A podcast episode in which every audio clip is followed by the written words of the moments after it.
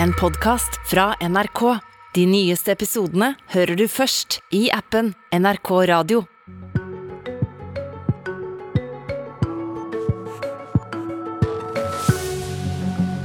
Oslo-bobla har inntatt eh, sørlandsidyllen under Arendalsveka. Men kan vi ta en politisk idé fra strandkanten her og putte den inn i boligbobla i Oslo? Vi skal diskutere buplikt, som finnes i en del feriekommuner på Sørlandet. Kan det fungere i en storby også? Men aller først så skal vi snakke om eh, denne dagens morgengave til regjeringspartiene fra velgerne og oss i NRK, meningsmålinger fra Norstat. Arbeiderpartiet 19,4, Senterpartiet 5,9. Samla er det 14,5 prosentpoeng svakere enn valget i høst. Høyre har nå 30% og ville fått regjeringsmakt om dette var valg. Politisk kommentator Lars Nehru Sand, gi oss litt uh, historisk kontekst for hva disse tallene betyr. Vi har aldri målt Arbeiderpartiet så lavt. Det betyr at de ligger lavere nå enn de gjorde under metoo-krisen f.eks., hvor, hvor de klarte å holde 20-tallet eh, selv på det verste på, på, våre målinger. Eh, det antallet velgere som nå har, har eh, forsvunnet fra de to regjeringspartiene, er jo på høyde med, eller litt større enn hele Senterpartiets oppslutning ved valget, f.eks. Senterpartiet nå så vidt større enn en Rødt. Eh, for forholdet mellom Arbeiderpartiet og Høyre så er dette eh, på et historisk nivå i den forstand at vi aldri har målt så stor avstand som følge av at Arbeiderpartiet er under 20 og Høyre over 30 på disse tallene. Betyr det at velgerne går fra regjeringspartiene til Høyre? I stadig større grad, og det er veldig interessant å se. fordi eh, når eh, nedturen begynte for eh, de to regjeringspartiene, så slet særlig Arbeiderpartiet med at eh, når det ikke ble en flertallsregjering, så ville velgerne, så det ut til, ha mer radikal eh, politikk. Frykta kanskje at Arbeiderpartiet ville, eller Senterpartiet ville flytte Arbeiderpartiet mot, mot sentrum, og stemte i større grad på SV og Rødt. Nå er eh, det store problemet for Arbeiderpartiet at velgerne går til Høyre. Det er en større gruppe enn de som setter seg på gjerdet, det pleier å være den største gruppen, og de som da går til eh, de mindre partiene på venstresiden. Og Det betyr at eh, Arbeiderpartiet nå står overfor en annen utfordring enn de gjorde f.eks. rundt årsskiftet. Og den store saken, strømpriskrisa, den har forsterka seg nå i sommer. Kan vi forklare velgerflukta fra regjeringa med denne krisa? I stor grad kan man det, og det ser man. Eh, det er spesielt å legge merke til at regjeringspartiene også gjør det dårlig i de områdene hvor det ikke har vært ekstraordinært høye priser. Eh, det viser jo hvor stor agenda den, eh, den saken har tatt.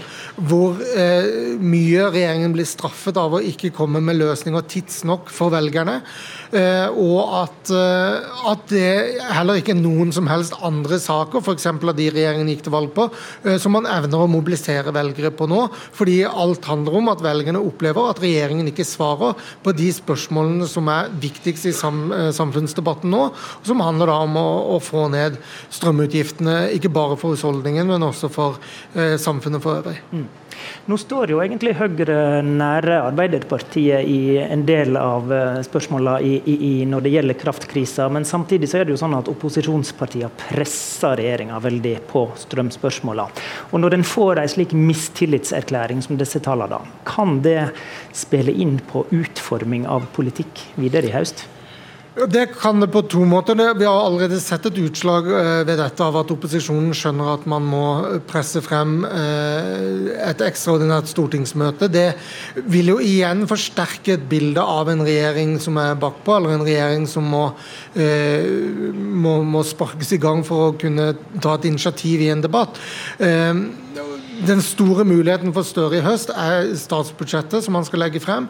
Det må også innom Stortinget for å få flertall. Så om regjeringen klarer å ta initiativ og komme på offensiven, eh, det er ikke bare opp til regjeringen selv, slik, eh, slik de faktiske forhold, forhold, er. Og så er det jo sånn at det er stor avstand også mellom Høyre og Frp i hvordan man skal få ned drivstoffprisene og, og strømprisene f.eks. Det er verdt å legge merke til, men det ser velgerne ut til å ikke bry seg så mye om, når Høyre tross alt er det alternativet alternativet til Støres regjering som eh, Solberg er. Takk til deg, kollega Lars Nehru Sand. Hør Politisk kvarter som podkast når du vil i appen NRK Radio. Buplikt kaller vi det når det er krav om at eh, eier eller noen andre må ha fast bostad på eiendommen. Det er tradisjonelt knyttet til landbrukseiendom, og det er også nytta i mange typiske feriekommuner. F.eks. her langs sørlandskysten, som Politisk kvarter sender fra i dag. Men er denne ideen overførbar til en storby?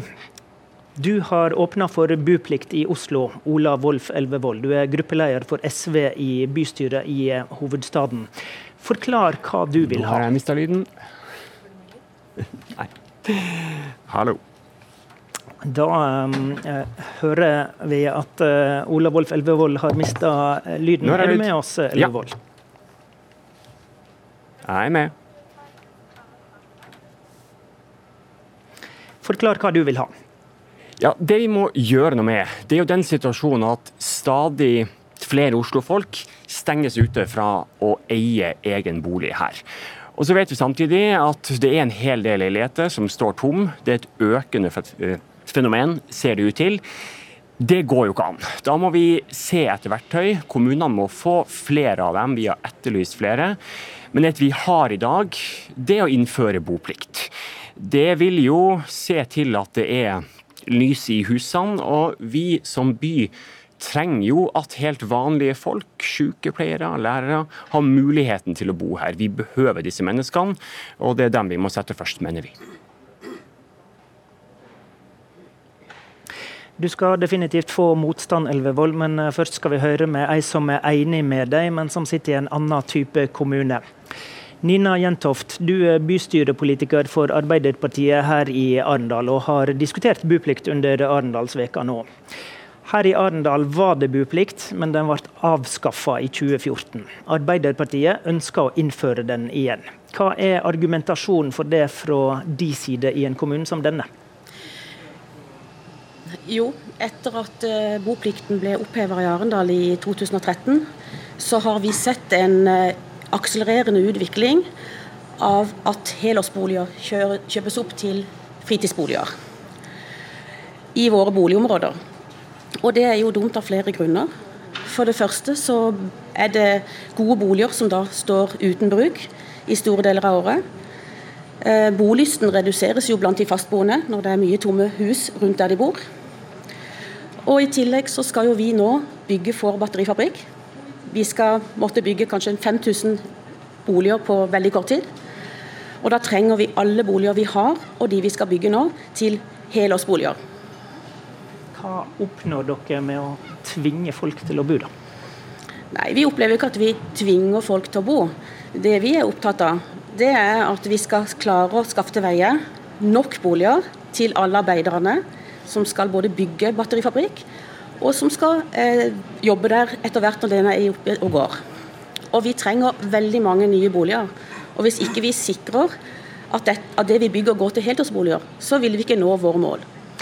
Men problemstillinga her er vel en typisk en ferieidyllkommune. Eh, kan dette være en god idé som du mener er overførbar til de store byene i landet? Ja, Nå skal jeg ikke gjøre meg til ekspert over Oslo-markedet, og det er jo først og fremst et lokalt spørsmål. Men hvis det stemmer at det er mange som spekulerer i markedet, og investerer i bolig som står uten at den brukes, uten at den leies ut, så er jo det, så er boplikt et spørsmål man bør kunne vurdere. Mm. Eirik La Solberg, bystyremedlem for Høyre i Oslo, mulig toppkandidat for samme parti i lokalvalget neste år.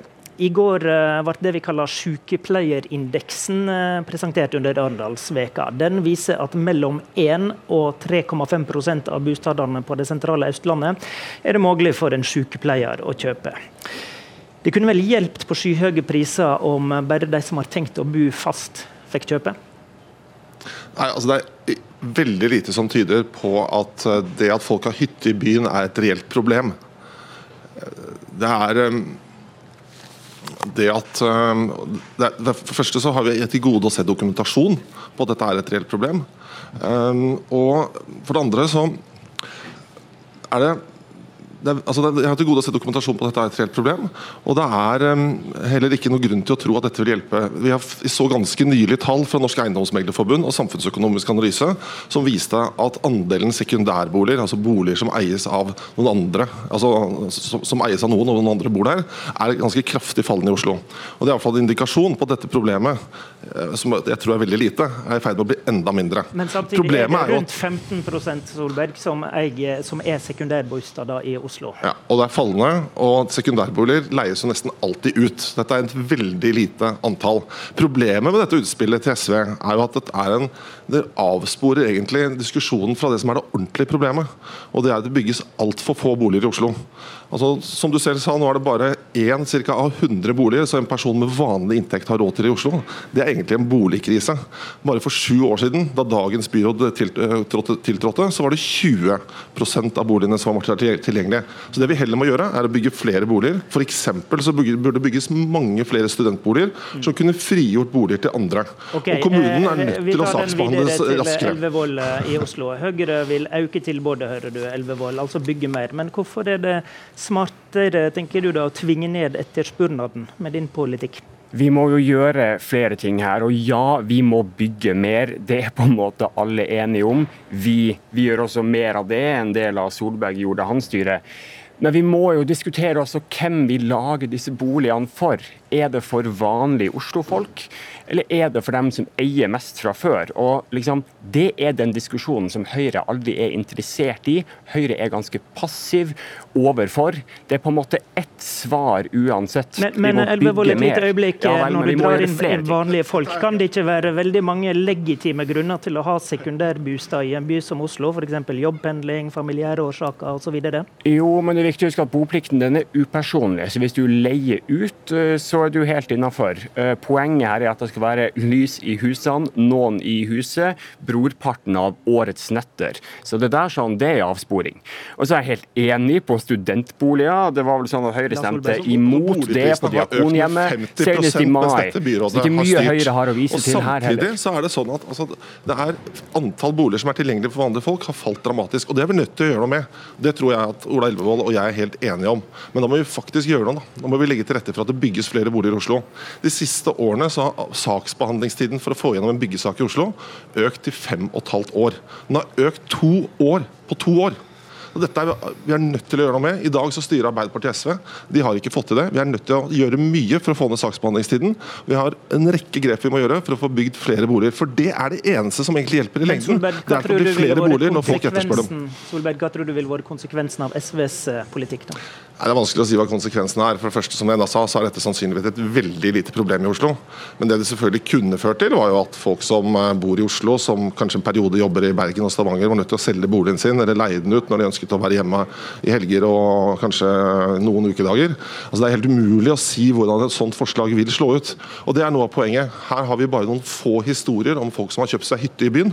Men vi vet, altså, da går SV med en gang og foreslår boplikt. Men vi aner ikke konsekvensen av et sånt forslag. Og I stedet for å komme nye reguleringer som kan gjøre tilværelsen vanskeligere for folk, for å løse et problem som nesten ikke finnes, så bør vi bygge boliger. Det er det eneste som får, kan få prisene ned, og som gjør at boliger i Oslo blir tilgjengelige for flere. Er at Høyre har ett eneste svar. Vi må utelukkende bygge mer. Vi er alle enige der, vi jobber hardt med det. Men Høyre har ingen nye løsninger eller bedre løsninger på det. Vi jobber med det, men hvem er det vi bygger for? Det er å lage mye mer boliger alene løser ikke den urettferdigheten som gjør seg gjeldende når folk i Oslo taper budrunder mot bemidla folk fra utafor byen som skal kjøpe seg ei hytte. Det er kanskje ikke ekstremt mange, men, så lenge det er et fenomen, så er det litt underlig. Så er det litt underlig. Dette er meglerbransjen sjøl som viser til at det er et økende fenomen. Det er litt underlig å være så komfortabel med den situasjonen at en av hundre muligheter er tilgjengelig eh, for vanlige folk i Oslo. Eh, vil ikke et forslag som ditt eh, innebære enormt kontrollregime og kontrollbehov? Er det praktisk gjennomførbart?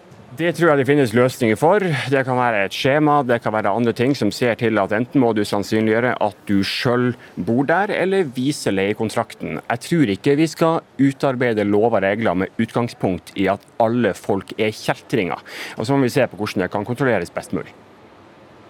De pengene som Elvevold hvis jeg kan bare slippe til på slutten, de pengene som Elvevold skal bruke på å bygge opp et stort kontrollregime, kunne vi heller brukt på å få ned saksbehandlingstiden på å bygge nye boliger.